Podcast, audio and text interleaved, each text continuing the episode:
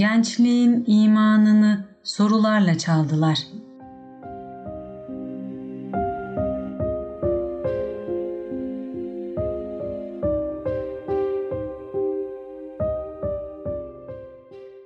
Yazan Emine Şenlikoğlu Seslendiren Betül Güler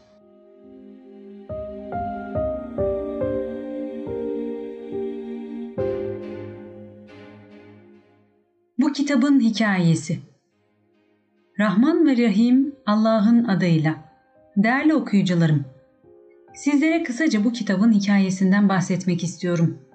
Gerçi kitabın içinde yıllar önce yer yer konu etmişim ama yine de bir özet yapayım istedim. Ben İslam'ı çok zor bulmuş bir insanım. Her gittiğim yerde çeşitli sorular soruyorlardı. Bilhassa 1974'lü yılları hatırlıyorum. Allah yok demek modaydı. Allah'a inanan gençlerin gerici olduğu vurgulanıyordu. Türkiye'de o yıllarda gündemde olan soruları bir bir tespit ettim. Bazı yazarlara götürdüm bu soruları. Ben güzel yazamam sizler güzel yazarsınız. Şu sorulara cevap verin dedim. Kabul etmediler. Ben de yarım yamalak Türkçemle tesiri Allah'tan diyerek kalemi sıvadım ve yazdım. Allah'ın lütfuyla bu kitap çok tuttu. Beni bu kitap yüzünden cezaevine attılar. Sekiz buçuk yıl hapis cezası verdiler. İki buçuk yıl cezaevinde yattıktan sonra infaz yasası değişti ve çıktım. İki buçuk yıl zarfında cezaevinde yedi adet kitap yazdım. Bazen arkadaşlara şaka yapıyor, diyorum ki bilselerdi yedi kitap yazacağım, beni asla hapsetmezlerdi. Şu anda bu yazıyı bu kitabın 41. baskısından yapıyorum. Türkiye şartları için oldukça güzel bir rakam. Korsanlar kaç baskı yaptı onu bilmiyorum. 10 yıl geçmiş olsa bile kitabı bir daha elden geçireyim dedim. Alıntılar biraz fazla olmuş. Tekrar okuyunca gördüm, düzelteyim dedim. Baktım olmuyor, hiçbirine elimi sürmeden bırakmak zorunda kaldım. Korsan baskılar hariç bu kadar baskıyı bu kitap böyle olduğu halde yaptı. Herhalde bir hikmeti vardır diye bozmadım. Evlilik işlerini de ihmal etmeyen kitabım, Allah'ın varlığından ahirete imana, Yehova şahitliğinden özel hallere kadar ortalama 500 konuyu kapsıyor. Son sayfelerindeki güzel sözleri de ayrıca ilave ettim. Şimdi kitap okuyunca keşke bu kadar alıntıya yer vermeseydim dedim. Fakat o günlerimi hatırlayınca hüzünlendim. O günlerde dipnotları belirlemek için kitapları bile zor bulmuştum. Halbuki çok acele lazımdı bu kitap. Gençlere bir an önce yetişmeliydi ve yetişti. Beni iki buçuk yıl cezaevinde yatırdı ama gençlerimiz için değdi. Cezaevinde yattığım yıllar bu kitap için gördüğüm hakaretler okuyucuma feda olsun. Milyonlarca kez feda olsun. Bu kitabı ilk çıkardığım günlerde niyetim şuydu. Gençliğe hatıramdır diye bir seri çıkaracak, sonra ölsem de gam yemeyecektim. Allah'a şükürler olsun hayalimin birini gerçekleştirmeyi nasip etti ve seri bitti. Gençliğin imanıyla başlayan seri idamlık genç romanıyla son buldu. Hatalarım benim, güzellikler davamındır. Allah sizlerden razı olsun diyerek 1984'te ilk baskısı yapılan kitabımla sizleri baş başa bırakıyorum. Allah'a emanet olun. Emine Şenlikoğlu 1993 Adamın biri bir yılanla arkadaşlık kurar. Adam yılanı çok sever. Ona her gün bir tas süt içirir. Arkadaşlıkları bu şekilde günlerce devam eder. Fakat günlerden bir gün yılan değil mi? Yılanlık damarı tutar. Adamın oğlunu sokarak öldürür. Zavallı adam. Gelir bir de bakar ki oğlu ölmüş. Yılan da biraz ötede. Adam yazıklar olsun diyerek yılanın kafasını taşla ağır bir şekilde yaralar. Adam ağlayarak oğlunu kapısının önüne gömer. Aradan yıllar geçer. Adam yılana der ki, yılan kardeş gel seninle eskisi gibi yine dost olalım. Yılan kafasını şöyle bir kaldırarak ah ah der. Bu yara benim kafamda. O mezar senin kapındayken seninle artık dost olmamız mümkün değildir. Adamın akılsızlığı yılanla dost olmakla başlamıyor mu? Müslümanın emperyalist dinsizle dost olması gibi bir şey. Belki yılanla dost olunur ama kafirle asla dost olunmaz. Kafir Müslüman oluncaya kadar bu böyle sürer. Peki bugün kafirlere dostlar diye hitap ediliyor. Bunun sebebi nedir? Kafir Müslüman mı oldu? Hayır. Peki nasıl dostumuz oldu? Hani Kur'an-ı Kerim'de Rabbül Alemin ey iman edenler kendi din kardeşlerinizden başkasını dost ve sırdaş edinmeyin. Çünkü onlar size şer ve fesat yapmakta hiç kusur etmezler. Size sıkıntı verecek şeyleri arzu ederler. Hakikat onların kin ve nefretleri ağızlarından meydana vurmuştur. Göğüslerinde gizlemekte oldukları düşmanlıksa daha büyüktür. Size ayetlerimizi kati surette açıkladık. Eğer düşünürseniz diye buyurmuştu. Bize ne oldu? Rabbimizden haşa daha mı iyi biliyoruz? Dostumuzmuş. Olsun bakalım nereye kadar gidecek? Günün birinde bu dostluk Türkiye'yi mezara sokarsa aklımız başımıza gelir. Yılan biz dost olamayız demişti fakat kafir yılanın yaptığı fedakarlığı yapmaz. Açıkça biz dost olamayız diye söylemez. Kafirle dost olmak bizi Rabbimizden ayırır, peygamberimizden ayırır, Kur'an'ımızdan ayırır. Böylece hem dünyamız hem ahiretimiz harap olur. Dünyamızın harap olması bir şey değil. Diyelim ama ya ahiretimiz harap olursa ne olur o zaman halimiz? Altınla satın alamayacağımız kıymetli yıllarımıza bir paçavra kadar bile değer vermiyoruz. Neticede Avrupa'nın kilisesine mendil açacak hale geldik. Batı aşığı Müslüman geri kalmışlığımızı hala dine mal etmeye çalışmaktadır. Bu nasıl uymaktır anlayamadım. Bu gerici, yobaz, aydın bozuntularının hiç mi akılları ermiyor? İnsan şöyle bir düşünür. Dün devlet Kur'an-ı Kerim yani Allah'ın ahkamıyla yönetiliyordu. Batı bize muhtaçtı. Bugün devlet insanların ahkamı, kanunlarıyla yönetiliyor. Biz batıya muhtacız. Dün Kur'an'ın emirleri uygulandığı zaman ülkede maddi ve manevi bir huzur vardı. Hatta batı devletlerine para yardımı bile yapılıyordu. İlimde de en ileri gidenler Müslümanlardı. Galile'yi İslam anlayışı değil, batı anlayışı ölüme mahkum etti.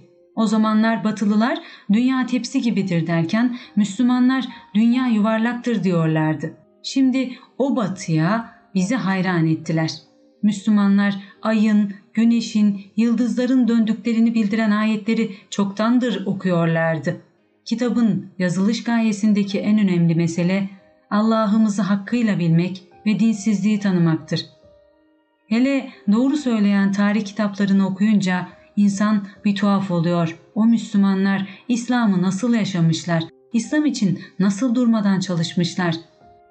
İnsan tam bu duygularla doluyken Allah'ın emirlerini yapmayan, tağutu destekleyen, ona dua eden birinin ben de Müslümanım demesi yok mu? İşte o zaman hadi oradan sen mi Müslümansın? Tağutu desteklemekle Allah'a şirk koşuyorsun bir de Müslümanım diyorsun diyesi geliyor insanın. Birkaç sene evvel bir komşumdan dolayı komiserin karşısına çıkarılmıştım. Sağ olsunlar bizi alıştırdılar. Komiser bey soruyordu. Seni buraya niçin getirdiler? Siz bilirsiniz komiser bey ben nereden bileyim? Sen ne anlatıyordun bugün saat 12'de?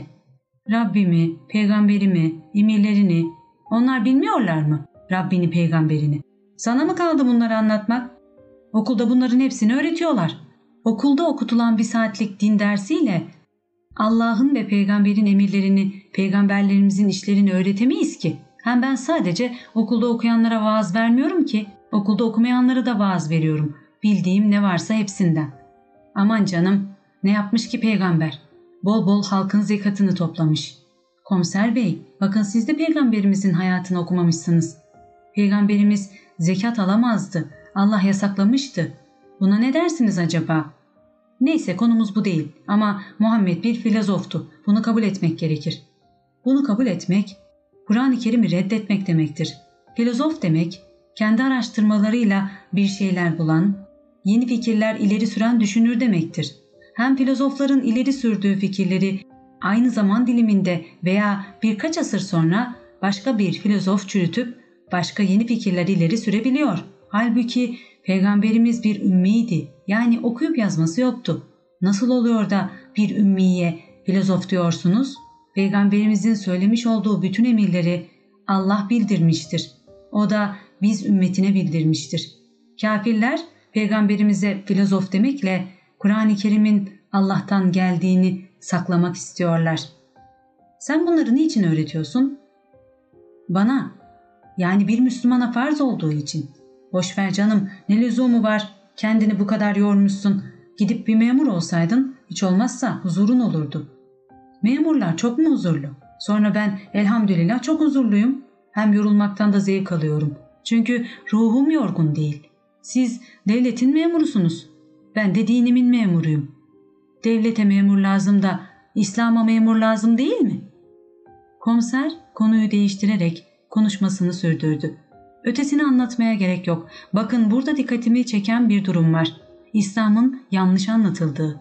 İslam'ı ben de bilirim diyenlerin aslında İslam'dan hiçbir şey bilmediğini gözlemleyebiliyoruz bu olayda. Seni hakkıyla anlatamadık. Dinini tanıtamadık. Bizleri affet Allah'ım. Şimdi ne yapmak lazım? İslam'ı güzelce öğrenip amel etmek. Sonra da İslam'ı tebliğ etmek lazım. Üstadımdan duymuştum. İnsanı eğitmek, hayvanı eğitmekten zordur diyordu. Adam dağdan ayı tutup getiriyor, onu terbiye ediyor da biz elimizdeki talebeyi terbiye edemiyoruz. Bu bizim tam eğitimci olmadığımızı gösterirken hayvanlarda nefis yok. Nefis sahibi olan insanoğlunun terbiyesinin çok zor olduğunu da gösterir. Hele bugün zehir saçan, neşriyat içinde bulunan gençliği kurtarmak, deveye hendek atlatmak değil, neredeyse deveye elma toplatmak kadar zor bir mesele oldu. Niçin? Ah bu niçinleri bir anlatabilsek, gerçekleri açık açık beyinlere sokabilsek, Ya Rab nasip et. Şuna kesin olarak inanmamız lazım ki yılanla dost olmak, kafirle dost olmaktan bin defa daha iyidir. Yılan adamın evladını soktu öldürdü. Böylece çocuk sadece dünyadan ahirete gitmiş oldu.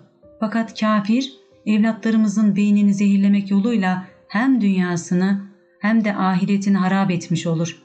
Nereden türedi bu inanmıyorum diyen gençlik? Uyanalım. Çok düşünüp çok çalışalım. Kafir dinimize küfrediyor. Niçin duymuyoruz? Ama Allah'ın izniyle hesap sormanın zamanı elbette bir gün gelecek. Kafirlerin İslam'a karşı bir hileleri, tuzakları varsa Rabbimin de onlara karşı bir tuzağı vardır. Hani bir zaman o küfredenler ya seni tutup bağlamak ya da seni öldürmek yahut seni yurdundan zorla çıkarmak için sana tuzak kuruyorlardı. Onlar bu tuzağı kurarlarken Allah da onlara bir tuzak kurmaktaydı. Allah tuzak kuranlara mukabele edenlerin en hayırlısıdır. Enfal Suresi Allah ayetlerden mealen böyle seslenirken kalkıp da Allah da hata yapar diyenler yılandan milyon kere milyon daha yılan değil midir? Geçenlerde konuşan cahil bir adam ben hoca çocuğuyum diye fetva başı kesilmişti. Ben de bu şiiri yazmıştım. Ne söylüyor şu adam şaşkın şaşkın. Kırdığı büyük potlar binleri aşkın. Üstelik çok da cahil. Cahilin de cahili. Şunu susturmak için bilmem ki ne yapmalı. Kahrımdan ölüyorum. Adam tutup dinimi suçluyor, yargılıyor, bilmiyor ki kimi. Kim çekiyor hesaba, kimdir küçümsediği, Allah ve Resulüdür açıkça söylediği. Bu adama yok mudur hiç haddini bildiren? Sabır kardeşim, sabır. Birazcık daha diren. Köpeklere her zaman bu meydan verilmez ya, her saniye şeklini değiştiriyor dünya. Sorular, sorular ve cevaplar tatmin edici bir şekilde verilirse kalpler, kalpler mutmain olur. Fakat inanmak istemeyen yine inanmaz. Bile bile inkar ederek Ebu Cehil tipi bir kafir olur. Bu küffarlığın ismi inadi küfürdür.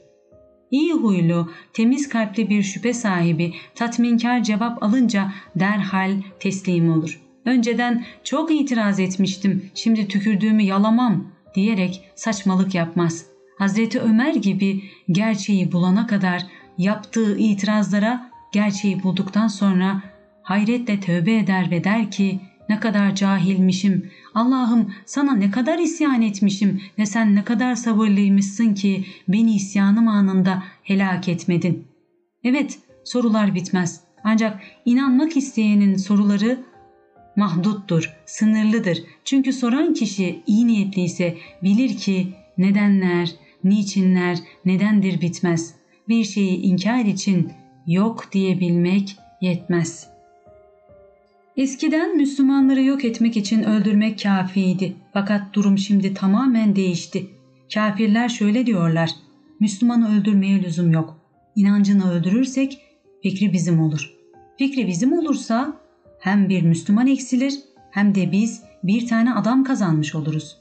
İnancı öldürme metotları, tuzakları gayet basit. Sorular.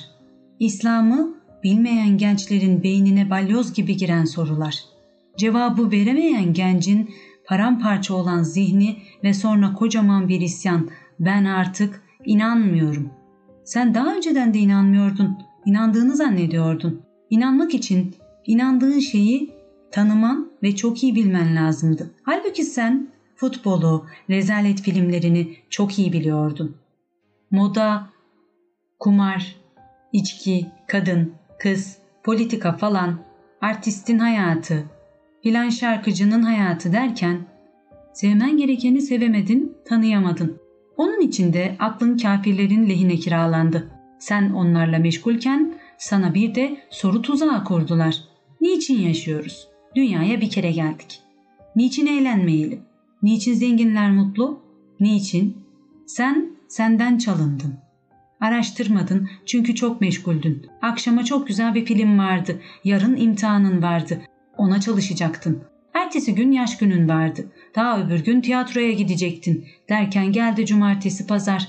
Bugünlerde de maç ve gezilerin vardı ve böylece hafta bitti. Sense sana sorulan soruların cevabını düşünemedin bile. Zaten işine de öyle geliyordu. Korkuyordun. Ararsam soruların cevabını bulurum, bulursam inanırım, böylece de artık eğlenemem diyordun. Boşver aldırma, huzurum kaçmasın diyerek kendi kendinden korkup benliğinden uzaklaşıyordun. Ama yanıldın. İnanmayınca hepten mahvoldun. Yıkıldın. Kişiliğini kaybettin. Ruhun sıkılıyordu. Ruha da inanmıyordun ki derdinin devası için uğraşasın. Sen bir robot olmuştun. Felsefe öğretmenin sana ne diyorsa, okuduğun materyalist kitaplar sana ne diyorsa sen onlara inandın. Mutlu oldun mu? Hayır, asla olmadın. Ve sen kendi iradenle değil, başkalarının iradesiyle yaşıyordun. Halbuki adım adım bir menzile doğru gidiyordun. O kadar meşguldün ki bu gidişin fark edilemeyecek duruma gelmişti. Seni yaratan Rabbine düşman olmuştun. Adım adım ona doğru gittiğini unuttun ve kokuşmuş bir et yığını haline geldin. İlk yıkılışın sana sorulan sorularla başladı. Soruya cevap veremeyince sen de başladın başkalarına aynı soruları zincir yaparak sormaya. Sen, köy ağası Hasan Efendi, sen de çok meşguldün. Sanki senin de zamanın bitmişti. Bu akşam kahvehanede köylülerle toplantım vardı. Köyün merasından, otlaklarından, hududundan konuşacaktın. Ertesi günü kaymakam çağırmıştı, oraya gittin. Daha ertesi günü kaymakam köye gelecekti. Kaymakamı iyi ağırlaman gerekliydi. Davar kesmen, tavuk kesmen lazımdı. Böylece hatalı bile olsan kimseler seni kaymakama şikayet edemeyeceklerdi. Nasıl şikayet etsin ki? Sen kaymakama pay vermiştin. Sana nasıl ceza verebilirdi? Böylece senin de haftaların geçmişti. Allah'ı tanımaya, İslam'ı öğrenmeye sen de vakit bulamadın. Ama maalesef senin de cesedin musallaya gelecek. Bu adamı nasıl bilirsiniz dediği zaman İmam Efendi hep bir ağızdan iyi biliriz, iyi biliriz denilecek. Sahtekarlar, yalancılar. İyi olmayan bir insana nasıl iyi biliriz diyorsunuz? İslamiyet'in iyi demediği bir insana iyi demekle ahirette Allah'a hesap vereceğinizin şuurunda mısınız? Halbuki senin gibi dininden bir haber, mal mülk uğruna Allah'a bir saatini dahi vermemiş bir zalime kötü biliriz, kötü biliriz demeniz gerekirdi. Kötü biliriz, kötü biliriz deselerdi senin gibileri örnek almış olanlar ben de halkın hakkını yersem, İslam'ı öğrenip yaşamazsam daha toprağa girmeden rezil olacağım derlerdi. Ama maalesef şuursuz, gafil Müslümanlar Bugün cami kapısında masonlara, tağuta evet deyip destekleyenlere kısaca kafirin her türlüsüne iyi biliriz, iyi biliriz diyerek cenaze namazlarını kılıyorlar. Gafil, Müslüman kafirin İslam'dan başka sistem kabul eden kimsenin cenaze namazını kılar mı? Sen Leyla Hanım, sen de düşünmedin İslam'ı. Beğenilmem lazım dedin. Kapanmayı yakıştıramadın kendine. Seni de kandırmışlardı. Kim gitmiş de kim gelmiş ahirete diye. Fotoroman, Karaoğlan, çeyiz çiçek işleriyle uğraşırken sen de vakit bulamadın. Yarın arkadaşlara gidecektin, ertesi gün pasta günü vardı, daha ertesi gün çamaşır yıkayacaktın, başka gün düğün vardı derken sen de hiç İslam'ı öğrenmeden getirdin haftayı. Sen de terk ettin Rabbini. Secde etmek güç geldi sana. Boş şeylerle uğraşırken acımadın vaktine ama namaza vereceğin 10 dakikanı acıdın. Artistlerin Lady Diana'nın giydiği iç çamaşırlarından haberin oldu da yumurtanın içinden çıkan sanattan haberin olmadı. Böylece gençliğinin hepsine feda etmiş, yaşlılığında da Allah'a dönme hayalleri kurmuştun. Böylece sen de fark edemeden felaketin kucağına düştün. Sen Fatma Hanım aç kalmaktan korktun. İlla çalışacağım, hayatımı garanti altına alacağım dedin. Hayatını garantiye almayı düşünürken ahireti hiç düşünmedin. Sen bakkal efendi, cuma günü bakkalını bir saatçik olsun kapatamadın. Cuma günü ezan okunduktan sonra namazdan çıkıncaya kadar kazanılan bütün paranın haram olduğunu dahi bilmiyorsun veya bildiğin halde işine gelmiyor. Velhasıl durum ne oldu? Türkiye'nin hatta dünyanın durumu aşure çorbasını geçti. Şimdi de dert yanıyorsun. Ah şu anarşistler, gözü kör olsun bu anarşistlerin, gelmesine sebep olan insanların diyorsun. Halbuki yapmış olduğun bedduaya sen de dahil oluyorsun. Fakat farkında bile değilsin. Mehmet Akif Ersoy ne diyordu? Sahipsiz vatanın batması haktır hak. Sen sahip çıkarsan bu vatan batmayacak. Hani sen sahip çıktın mı? Evet çıktın ama neye sahip çıktın? Bankadaki faiz parana ve midenin menfaatine. Öyle değil mi? Yalnız bunu söylerken herkes senin gibi yaptı demek istemiyorum. Öyle gençler, öyle Hasanlar, öyle Fatmalar, öyle Leylalar var ki sadece dinini düşünmüş, Allah'ın Allah sizin mallarınızı ve canlarınızı cennet mukabilinde satın almıştır emrine uyarak mallarını ve canlarını Allah için adamışlardır. İslam'ı öğrenip başkalarına öğretmişlerdir. Allah onların hepsinden razı olsun. İşte sen senden, dininden nasıl koptun, seni dininden nasıl kopardılar? Sorularla. O soruları şimdi oku. Bu kitapta olan sorular seni soru tuzaklarına karşı uyandırır sanıyorum. Eğer sen uyanmışsan uykuda olan kardeşini de uyandır. Atalarımızın şu güzel sözünü unutma. Sü uyur, düşman uyumaz. O kadar çok sorular var ki anlatamam. Ben ilk olarak liseli bir genç kızın sorularını ele almak istiyorum. Vaaz vermek üzere bir mevlide davet edildim. Eve gittiğimde içeride gayet hareketli bir görünüm vardı. Boyalı yüzler, adet olsun diye kapanan yarım başörtüler, beni başka bir odaya götürmelerini, orada vaaz için biraz hazırlanmam gerektiğini söyledim. Salonun en sonunda bir odaya geçtim. Odada üç genç kız ellerinde sigara ayak ayak üstüne atmış oturuyorlardı. Beni gördükleri halde hiç istiflerini bozmadılar. Halbuki İslam ahlakı kapıdan giren büyük küçük her insana yer göstermeyi emreder. Bu kızlar İslam görgüsü medeniyeti diye bir şey bilmiyorlardı. Onlara göre görmemek lazımdı. Yalnız suratları pek asılınca sordum. Affedersiniz, sizi rahatsız ettim galiba. Aslında gayem konuşmak için konu açmaktı. Esmer uzun boylusu, buyurun ne demek? Bilmem, bana ilk bakışta bu duyguyu verdiniz de size öyle gelmiştir. Biz insancıl davranır, bütün insanları da severiz. Bu kelimeler bana hemen karşımdaki muhatabımın hangi lukatçı zihniyetten olduğunu anlatmaya kafi gelmişti. Yine aynı genç kıza dönerek ''Hayret, nasıl bütün insanları sevebiliyorsunuz? Halbuki insan fıtratında bir diken ayağına batınca bütün dikenlerden çekinme duygusu vardır. Her insandan değil ama. Eğer ben bir inanç uğruna bir kişiden zarar gördümse ve o zararı o kişinin inancı tasdikliyorsa o kişiden de o inançtan da nefret ederim. Siz böyle değilsiniz herhalde. Hayır, Ben insanları olduğu gibi kabul ederim. Bu bir kelime oyunu değil mi? Elbette her insan olduğu gibi kabul edilir. Siz 5 kiloyu 6 kilo diye kabul edemezsiniz. Mecburen 5 kilo olarak kabul edeceksiniz. Ne olduğu belirsiz bu tartışmalardan sonra kanepeye oturdum. Genç kızların ikisi benden tarafa hiç bakmıyorlardı. Esmer olanıyla arada bir göz göze gelirsek baştan savarcasına gülümsüyordu. İçeriden de Mevlita'nın sesi geliyordu. Daha tıfıl iken deridi ümmeti ümmeti, sen kocaldın terk eyledin sünneti. Kim dinliyordu bu sözleri? Millet Mevlid'e değil, sözlerine değil, Mevlid Han'ın güzel sesine aşık, Mevlid Hanların çoğu da Mevlid'in parasına aşık. Ya Rabbi sen bizi bu hallerden kurtar. Konuyu açmak için esmer olan genç kıza sordum. Mevlid sever misiniz? Gayet sessiz olarak bilmem dedi. Galiba sevmiyorum. Doğru söylüyorsunuz. Eğer sevmiş olsaydınız orada dinliyor olmanız gerekirdi.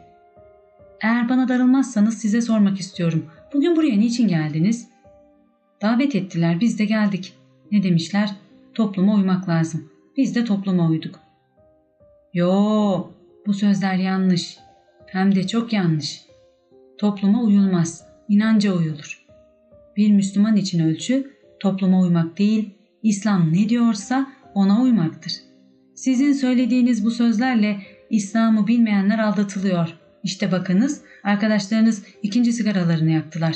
Hala bir kelime dahi konuşmadılar. Acaba ben buraya geldim diye mi kızdılar? Sağımda oturanlardan dik bakışlı olanı niçin kızalım? Bilmem ki bir hoş geldiniz bile demediniz. Biz ev sahibi değiliz ki. Ne önemi var? Benden önce gelmişsiniz ya.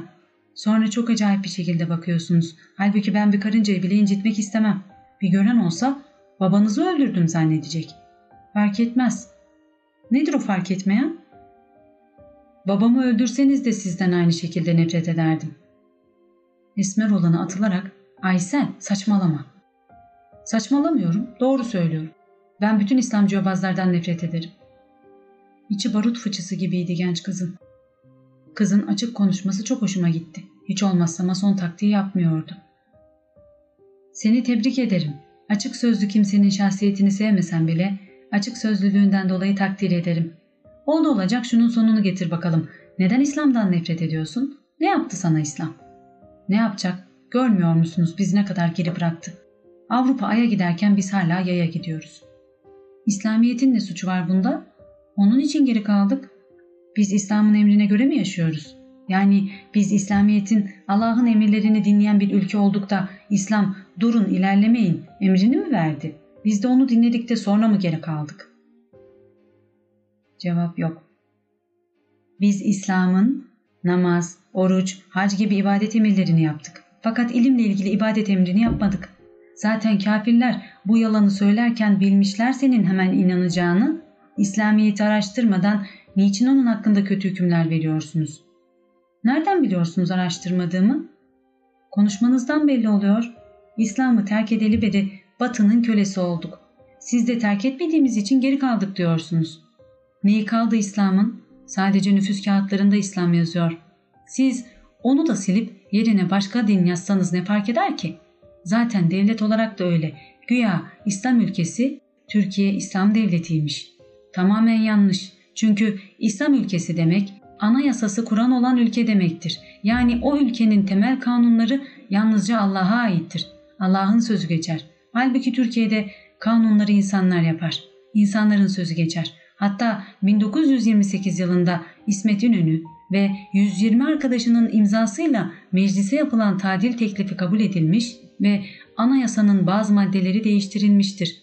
Böylece 1924 Anayasası'nın ikinci maddesinden devletin resmi dini İslam'dır kaydı silinmiş ve 24. maddesinden meclisin vazifeleri arasında sayılan ahkam-ı şeriyenin tenfizi ibaresi kaldırılmıştır. Türkiye'nin sadece şehir girişlerinde bol bol minareler var. Maalesef onların da içlerinde birkaç saf cemaat var. Bana şunu söyleyebilir misiniz? İslam adına şu ana kadar yaptığınız ne var? Ya da şöyle diyelim, İslam adına ne yaptınız? Hiçbir şey yapmadım. Türkiye'nin uyguladığı bir İslami emir söyleyebilir misiniz? Bilmem ki. Ha, cuma namazı var. Kimler kılabiliyor cuma namazını? İş başında olan işçi kılabiliyor mu? Memur kılabiliyor mu? Cevap yok. Hani biraz önce İslam yüzünden geri kaldık diyordunuz? İslam'ın hangi emrinden dolayı geri kaldığınızı söylemeyecek misiniz? Bilmem, bildiğim bir şey varsa o da İslam dini insanı yobazlaştırıyor. Kardeşim sen İslam'ı biliyor musun? Elbette biliyorum. Nereden öğrendin? Okulda. Öğretmenimiz öğretti. Öğretmeniniz biliyor muydu? Herhalde biliyordu. Bilmese neyi öğretecek? Kardeşim, Türkiye'de dini, İslam'ı bilmeyen insanların anlattığı gibi zannediyorlar. Bir masal, bir cinayet anlatıp İslam budur diyorlar. Karşıdaki şahıs İslam'ı bilmediğinden hemen inanıyor. Okulda öğretmenler sadece namazda kılınacak dualardan birkaçını belletirler. Bir de sadece 32 farzı madde madde öğretip teferruatına asla inmezler. Çünkü 32 farzın biri de kitaplara inanmaktır. 100 sühuf 4 tane kitap vardır. Bunlardan 100 tanesi küçük sayfalar halinde, 4 tanesi büyük kitaplar halindedir. Bunlardan biri de Kur'an-ı Kerim'dir. Öğretmen Kur'an-ı Kerim'in içindekilerini anlatsa devlete yani laikliğe karşı gelmiş olacaktır. Çünkü Kur'an'da din işleriyle devlet işleri birbirinden katiyen ayrılmaz. Kim ayırırsa İslam'dan çıkmış olduğunu bildirir. Kur'an-ı Kerim bir hayat nizamıdır. Şimdi öğretmenler bunları nasıl anlatacak? Katiyen anlatamazlar. Eğer anlatmaya kalkarlarsa öğretmenlikten atılmaları yetmiyormuş gibi mahkemeye çıkarılır, hapse atılırlar. Zaten öğretmenlerin çoğu bunu bilmez. Bilenler de yasak olduğu için anlatmazlar. Öğretmeninizin size de anlatmadığı belli oluyor. Sahi sizin öğretmeniniz namaz kılıyor muydu? Kılmıyordu. Fakat çok temiz kalpliydi. Temiz kalpli olsa Allah'a res çeker miydi? İslamiyet'i bilse namazını geçirir miydi? Cevap yok. Yok kardeşim yok. İslam oyuncak değildir. Öğretmeninin sana İslam'ı tam olarak anlattığını zannetme. İslamiyet'ten bildiğini zannettiğin imanın altı şartıyla İslam'ın beş şartı. Ama inan bana onları da bilmiyorsundur. Size öyle geliyor. Bilmez olur muyum hiç? O halde söyle bakalım. İmanın altı şartından birincisi olan Allah'a inanmak nasıl olur ve sen nasıl inanıyorsun? Ben inanmıyorum ki. Ha, demek inanmıyorsun. Hani okulda dini öğrenmiştin? Allah'ı öğrenmeyenin dini öğrenmesi mümkün mü? Tartışmamız hızlanmaya başlamıştı ki vaaz vermem için beni diğer odaya çağırdılar. Kızlara dönerek neyse çok güzel münazara ediyorduk. Şimdi vaaz vereceğim. Konu da İslam nedir olacak. İsterseniz siz de dinleyin dedim. Müsaade isteyerek çıktım. Bildiğim kadarıyla İslamiyet'in bir dünya nizamı olduğunu, ölüler için değil bilakis diriler için indiğini, ölü olup da yaşayan ruhların ancak İslam'la dirileceğini, İslamiyet'i tatbik etmediğimiz müddetçe dünyanın ve Türkiye'nin huzura kavuşamayacağını anlattım. Sonra Asır suresinin önemini anlatarak cihadın namaz gibi farz olduğunu ve İslam'ın Türkiye'de çok yanlış tanıtıldığını anlattım. Dua ile vaazımı bitirdiğimde kızların ikisini de salonun sonunda dinliyor buldum. Hareketlerinden bir hayli değişmiş olduklarını fark ettim. Ah kahru perişan olası zalim kafirler ah! Bizi dinimizden ayırıp nasıl perişan ettiniz? Daha az önce bana dönüp bakmayanların 45 dakika sonra bana karşı tavırları nasıl değişmişti? Bu kızlar şu anda lise okuyorlardı. İlkokul birinci sınıftan itibaren yapıla gelen materyalist aşısı hakkında bir hesap yapalım. 5 yıl ilkokul, 3 yıl ortaokul. Bu kızlar lise 2'de, 2 yılda lise. Toplam 10 sene yapar. 1 yıl 365 gün olduğuna göre 365'i 10 ile çarptığımız zaman 3650 gün yapar. Şimdi bu kızlar her gün İslam'ın emrine zıt bir kelime öğrense 10 senede 3650 kelime yapar. İslam'da var olan emirleri yok, yok olan emirleri de var olarak öğrenmişlerse şimdi ben 10 senedir İslam'ın emirlerine aykırı hüküm öğrenmiş yani 10 senedir İslam'ı yanlış öğrenmiş bu kızlara 45 dakikada veya 2 saatte ne öğretebilirim? İslam'ı kafalarına nasıl yerleştirecektim? Nasıl yerleştirebilirdim? Buna imkan var mıydı? Üstelik beyinlere yapılan bunca aşılardan sonra. Çocukluğumda komşu çocuklarla bir bankanın çocuk tiyatrosuna gitmiştim. Tiyatroda alçak zalimlerin iğrenç oyunları sergileniyordu. İğrenç yüzlü bir sakallı, elinde tesbih insanlara yapmadığı kötülük kalmıyordu. O günden sonra nerede bir sakallı görsem, nerede bir tesbih görsem psikolojikmen bana bir iğrenmek, onlara karşı bir nefret duyardım. Bu durum yıllarca böyle devam etti. Fakat ne zaman ki dinimi öğrendim, bu oyunların kafir oyunları olduğunu anladım. Kendimi düzelttim. Bu genç kızlar da kim bilir kaç tane kafir aşısı almışlardı. Kapalılarda neler var neler diyen kafirlerin sözlerine onlar da kanmışlardı. Son olarak oradan ayrılacağım zaman onlara dedim ki aslında tam istenilen bir şekilde konuşamadık. Daha doğru dürüst hiçbir konuya giremedik. Vaktiniz olmuş olsaydı biraz konuşurduk. İki genç kız sizinle tartışmayı biz de isteriz dediler. Ben de önemli olan tartışmak değil hedefe ulaşmaktır. Tartışmayı sen kaybettin ben kazandım durumuna getirirsek hiçbir netice elde edilmez. Önemli olan doğruyu bulmaktır. İki zıt fikrin ikisi de doğru olamaz. Doğru bir tanedir. O bir olan doğruyu da aramak her insanın görevidir. Tartışmada ben mağlup olabilirim fakat İslam asla mağlup olmaz. Eğer siz beni susturursanız bu benim acizliğimden, İslam'ı az bildiğimdendir. Çünkü İslam Allah'ın sözleridir, emirleridir. Fakat sizin savunduğunuz sözler ve fikirler insanların sözleridir. İnsanları Allah yarattığına göre elbette Allah'ın sözleri, kanunları insanların sözlerinden çok daha üstün ve doğrudur. Sonra biraz daha konuşmak için ayrı bir odaya geçtik. Cemaatten 10-15 meraklı kadın da bizimle beraber geldi. Tekrar koltuklara oturduk. Sarı saçlı olan üçüncü kızdan hiçbir hareket görünmüyordu. Sadece sigarasını içerken belli etmeden dinliyordu. Hemen konuya geçmek istedim. Şimdi nereden başlayalım? İsterseniz aynı sorunun üzerinde duralım. İslam'ın yüzünden geri kaldık demiştiniz. İsterseniz bir zamanlar bu sorunuza cevabı mukabilinde bir şiir yazmıştım. Onu size okuyayım. Okumamı ister misiniz? Elbette güzel olur. Çantamı açıp şiir defterimden aradığım şiiri buldum. Bu şiiri yazarken içimde volkanlar kaynamıştı. Ne yapalım? İnsan haykırmak istediğini açık açık söyleyemiyor. Hani bir hikaye vardır. Bir yer komutanına çok kızar. Arkasından küfürler eder. Fakat karşısında süt dökmüş kedi gibi hiçbir şey söyleyemez. İkide bir ah seni başıma baş eden kaderime ne diyeyim der. Bir gün efkarından oturur şöyle bir şiir yazar. Yaktın beni alçak başım, ben de seni yakacağım, koparacağım seni, canımı yaktığın gibi canını yakacağım. Bu şiiri yağcı karakter fakir er arkadaşı doğruca komutanına götürür. Komutan çok fena sinirlenerek derhal eri çağırır. Ulan bu şiir nedir? Cevap yok. Ne şiiri komutanım? Ulan hala utanmadan ne şiiri diyorsun. Kime yazdın bu şiiri? Başıma yazdım komutanım. Ulan ne demek bu? Kimsenin başın? Bir başım var komutanım. Komutan hiddetle iki tokat patlatır. Çabuk söyle kim bu başın? Kendi başım komutanım. Zaman zaman ağrıyor.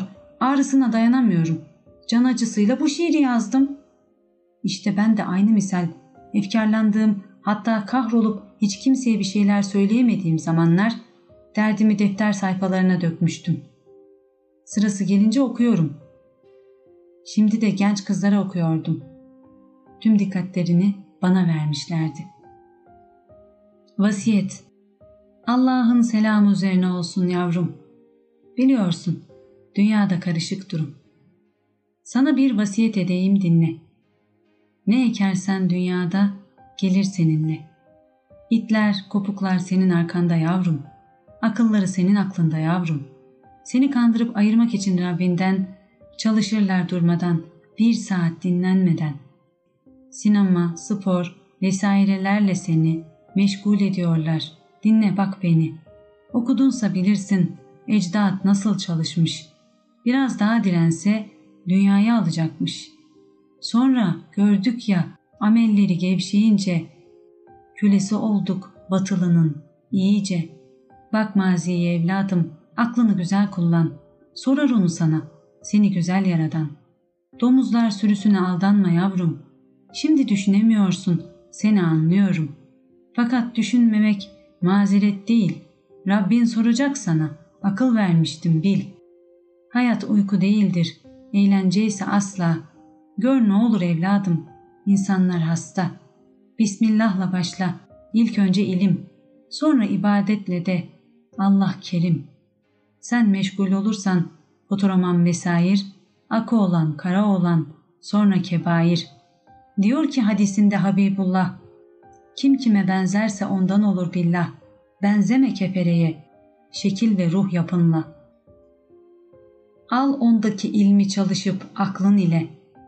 Fen teknik bizim diyorlar inanma. Gerçeğin bir ucunu bak anlatayım sana. Cebir bizim, ilk atılan top bizim. Ayı ilk keşfeden asırlar öncesinden ilk defa uçan insan gemiyi yapan bizim. Bitkide konuşurmuş, batı buna gülerken şimdi kabul ettiler biz bulduk bunu derken. Tüm canlılar sudan, topraktan dönme.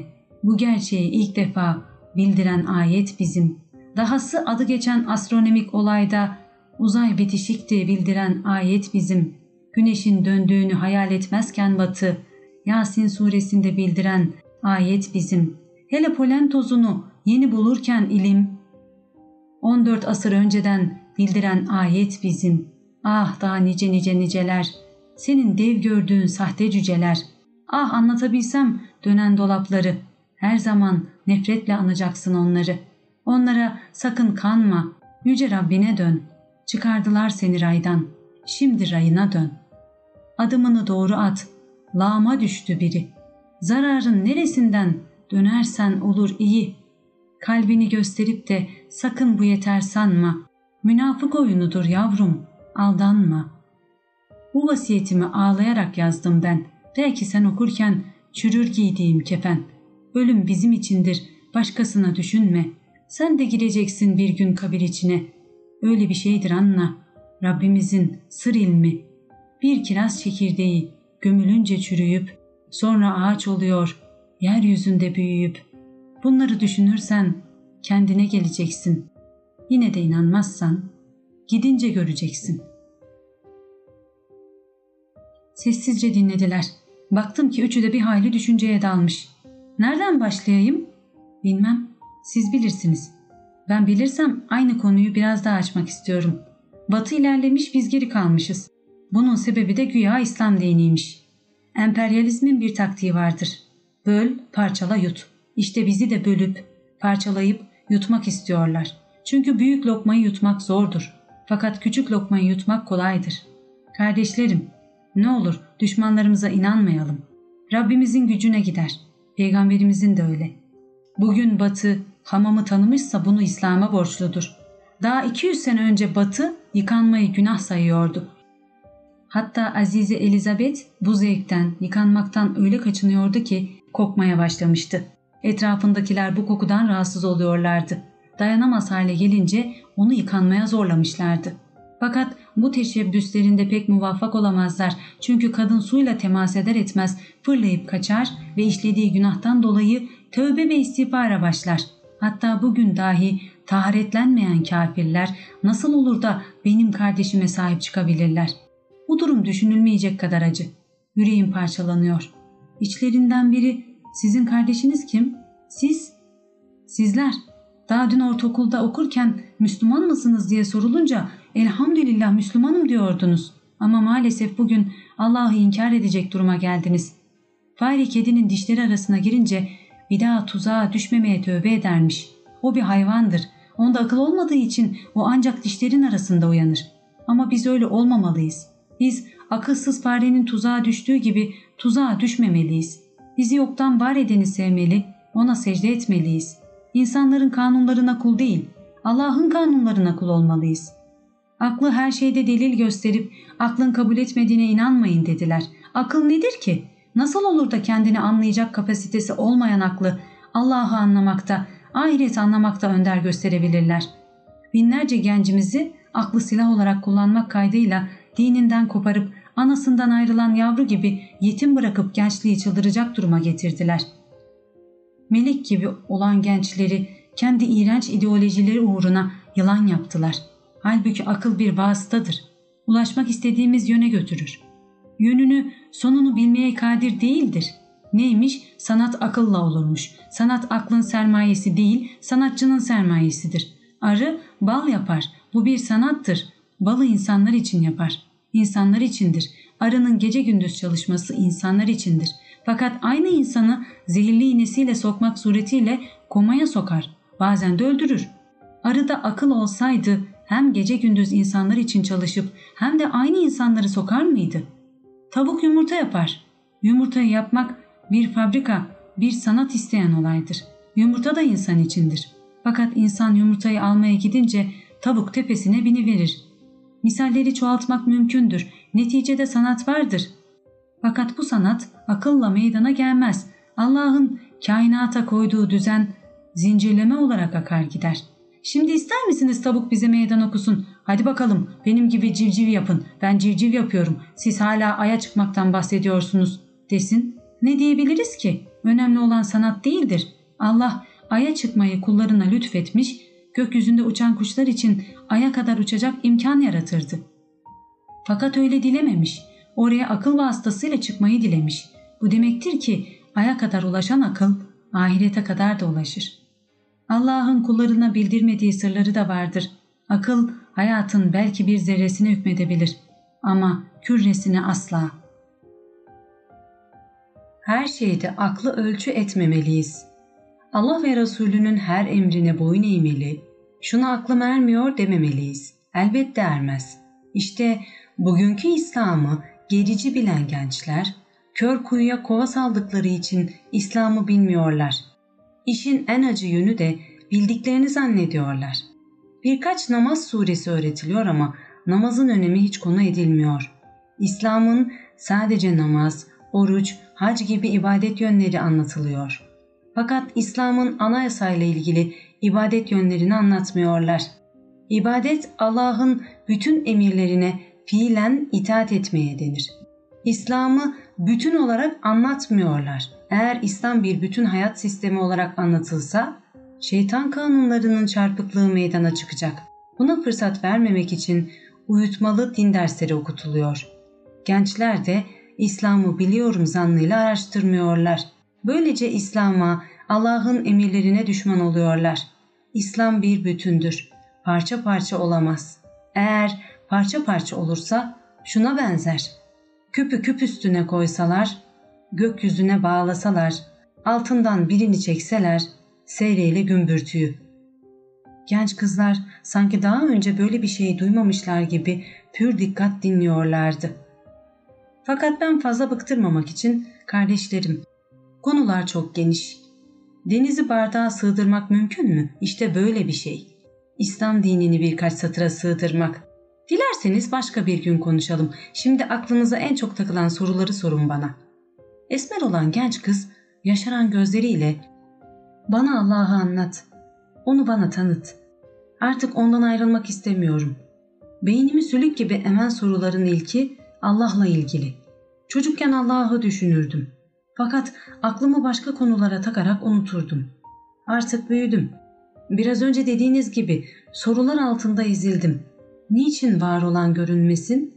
Var olsaydı görünürdü dediler. Ben de inandım ve söylemeye başladım. Ağlıyordu genç kız.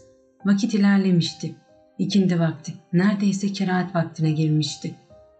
Beni çok duygulandırdınız. Sizin şahsınızda binlerce genci görüyorum. Allah'ı tanımak istiyorsunuz. Canım kurban olsun Rabbime. Fakat namazlarımız geçecek. İkindiyi kalalım sonra devam ederiz. Bir saat konuşur, diğer sorularınızı da başka bir güne bırakırız. Elbette olur. Sen ne dersin Aysel kardeş? Benim de bir sorum var. Nedir o? Kur'an. Ne olmuş Kur'an'a? Yani yani Kur'an Allah tarafından gelmediyse diyecektin değil mi? Aa nereden bildiniz? Her gittiğim yerde aynı soruları soruyorlar. Yahudi oyunu. Aynı soruları basma kalıp her yere yaymış. Değil Türkiye'ye. Bütün halkı Müslüman olan ülkelere de yaymış. Sormakla çok iyi yaptınız. Çok memnun oldum. Fakat bugün çok geç kaldık. Zaten beyninizin 4-5 saatlik bir konuşmadan sonra yorulması lazım. Sizi fazla sıkmak istemiyorum. Ayrıca sizleri çok sevdim. Başka bir gün hatta yarın aynı konuya devam ederiz. Teşekkür ederim. Asıl ben teşekkür ederim. Beni dinlemeyebilirdiniz. Namazı kılmak için kalktım. Sarı saçlı kızdan henüz bir şey anlamamıştım ama diğer iki genç kızın çok mahcup olduklarını hissettim. Ne kadar acı bir gerçek ki Allah'ın yarattığı kula gel Allah'a secde et diyemiyordum.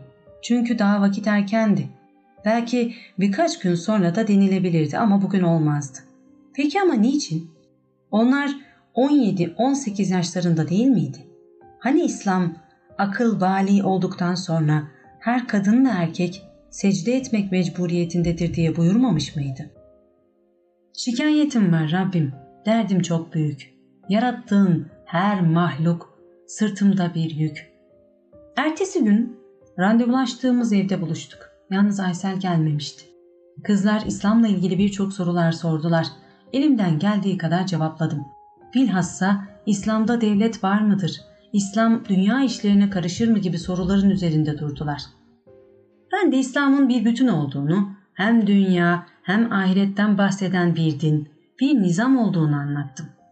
Anlattıklarıma önce itirazlar yağdıran genç kızlar, şimdi İslam'ın büyüklüğü karşısında hayran olmuşlardı. Sarı saçlı olana sordum. Senin sesin çıkmıyor kardeş, sebebi nedir acaba? Ben dinlemeyi seviyorum, dedi. Ve Nesrin arkadaşlarına dönerek ağlamaya başladı. Bana bir senedir neler söylediniz. Ben inanıyordum Allah'ıma. Ama sizler Allah nerede göster dediniz. Bana devamlı öldükten sonra dirilme yok, gidip gelen mi olmuş dediniz. Benim inancımı tamamen yok ettiniz. Halbuki ben inanıyordum. İbadet etmesem bile üzüntü içindeydim. Ramazanlarda namaz kılıyor, başımı örtüyordum. Şimdi ise siz benden daha çabuk dönüş yaptınız. Niçin benim inancıma karıştınız? Ne istiyordunuz benden? Bıraksaydınız da inanmaya devam etseydim ya. Daha neler neler söyledi bunun gibi. Mer genç kızın içi doluymuş. Bu olaylara benzer yüzlercesiyle karşılaştım. Önce bakıyorsunuz ki sanki sizi öldürecek, yiyecekmiş gibi bakıyorlar. Fakat sonra İslam'ı duyunca İslam'ın muhteşemliği karşısında hayretten hayrete düşüyorlar. Nasıl hayrete düşmesinler ki? İslam Allah'ın kanunları. Elbette hayran kalırlar. Aradan günler geçtikten sonra Aysel'den bir mektup aldım. Sevgili hocam, sizden ayrıldıktan sonra hiç uyuyamadım. Meğer neler varmış benim bilmediğim. Tavsiye ettiğiniz Kenan Çığman'ın İnançlar isimli kitabıyla Hekimoğlu İsmail'in İlimler ve Yorumlar adlı kitabını aldım. Okumaya başladım. Daha başında olmama rağmen çok hoşuma gitti. Sizi gördüğüm günden bugüne değin az bir zaman geçmesine rağmen tamamen başka bir insan oldum. Toplantılarınıza gelemedim. O kadar çok sorularım vardı ki o kalabalık ortamda sormam imkansızdı. Size zahmet olmazsa bana özel cevap verir misiniz? Son derece bunalım içindeyim. Bana İslamiyet'i çok kötü tanıtmışlardı. İslamiyet'in ilimden hiç bahsetmediğini, dünyada ne kadar keşif ve icat varsa hepsinin batı tarafından bulunduğunu söylemişlerdi. Meğer ne kadar yanılmışım. Beni nasıl kandırmışlar. Sizinle konuştuktan sonra İslam dini gözümde bambaşka bir görünüm aldı. Annemle babam da dindardılar. Fakat onlarla sizin aranızda bir bağlantı kuramadım. Çünkü sizin anlattıklarınızın bir tanesini dahi onlardan duymadım. Hacı olmalarına rağmen bana İslam'ı anlatmadılar. Ne kadar acı bir durum değil mi hocam? Beni sadece tenkit etmekle yetindiler. Onun için de tertemiz bir inançla girdiğim liseden Allah'a isyanla çıktım. Sizin söylediğiniz gibi soru sordular. Cevap veremedim. Cevap veremeyince bunalmaya başladım. Cevaplarını öğrenmek için sorduğum kimseler böyle soru mu olurmuş? Sus, konuşma, sen kafir oldun dediler. Neticede Allah'ını, kitabını, peygamberini inkar eden bir insan oldum. Bana ne olur yardım edin. Şu neden böyle olmuş? Bu nasıl olmuş? Nasıl olur da var olan görünmez? Bu gibi sorularla beynim arı kovanı gibi oğulduyor. Okuduğum kitapları ah bir okusanız aklınız durur. Peygamber Efendimiz'e söylemedikleri söz, atmadıkları iftira kalmıyor. Müslümanları peygamberimizden ayırmak için akla gelen her şeyi kitaplara yazmışlar. Halkının çoğu Müslüman olan bu ülkede böyle kitapları nasıl basmışlar aklıma almıyor. Hele devlet bunlara nasıl göz yumuyor? Diyanet İşleri Başkanlığı gerçekten vazifesini yapıyor mu bilemiyorum. Hocam, Siz arkadaşlarımla tartışırken önce bu çarşaflı gerici bizim sorularımıza nasıl cevap verecek? Ne anlar bu ilimden? Astronomiden, iktisattan diye düşündüm. Fakat siz konuştukça nasıl olur da bu çarşaflının bu kadar bilgisi olabilir diye hayretten kendimi alamadım. Benim de kafamdaki sorulara cevap vermeniz hayretimi bir kat daha artırmıştı. Ve ben şimdi dinimi araştırma, Allah'ı bulma ihtiyacı içindeyim. Peki benim gibi bilmediği için dinini aramaktan vazgeçenler, dininden haberi olmayanlar ne yapacaklar? Nasıl dinecek onların ızdırabı? Bu mektubu yazmaya başlayalı üç tane sigara içtim. Halbuki sigaranın pis kokusundan, insan vücuduna zararından dolayı içenleri ayıplardım. Ben bu duruma nasıl geldim? Benim gibiler bu duruma nasıl geldi? Bizleri bu hale nasıl getirdiler? İslam'ı bilmediğiniz için bu duruma geldiniz diyeceksiniz. Peki biz dinimizi niçin bilmedik? Niçin bize dinimizi bildirmediler? Sizin dediğiniz gibi nasıl olmuş da İslamiyet'i bu kadar yanlış tanıtmışlar? Bu konuda ne olur beni aydınlatın. Ayrıca şu sorulara cevap verirseniz çok memnun olurum. Allah'ın varlığının delilleri nelerdir? Allah niçin görünmüyor veya neden göremiyoruz? Kur'an'ın gerçekten Allah tarafından geldiğine ve modern ilmin de Kur'an'da yeri olduğunu örnek verir misiniz? Beni tatmin edecek şekilde cevap verirseniz inanın çok memnun olacağım. Sevgi ve saygılarımla Aysel Akgün Aysel'in mektubuna cevap Bismillahirrahmanirrahim Allah'ını hakkıyla tanımayan Emine'den Aysel'e mektup. Kardeşim Aysel, göndermiş olduğun mektubu aldım. Yazmış olduğun yazılar kalbime bir ok gibi battı ve dinim için çalışma azmin bir kat daha arttı. Senin sormuş olduğun soruları sadece senden değil, Türkiye'nin neresine gittimse orada da hep aynı ve daha fazla bir şekilde duydum. İşte bu durum gösteriyor ki Müslümanlar dinlerini tanımamışlar. Bir de insanların beyinleri boş şeylerle meşgul olduğundan Allah'ın sanatına bakıp Allah'ı bulamamışlar. Çünkü ibret gözüyle bakmamışlar. Şimdi sorduğun sorulara elimden geldiği kadarıyla Allah'ın izniyle cevap vermeye çalışacağım. Yalnız şunu unutma. Benim vereceğim cevaplar seni tatmin etmezse eksiklik bendedir. Bulduğun eksikliği İslam'da arama.''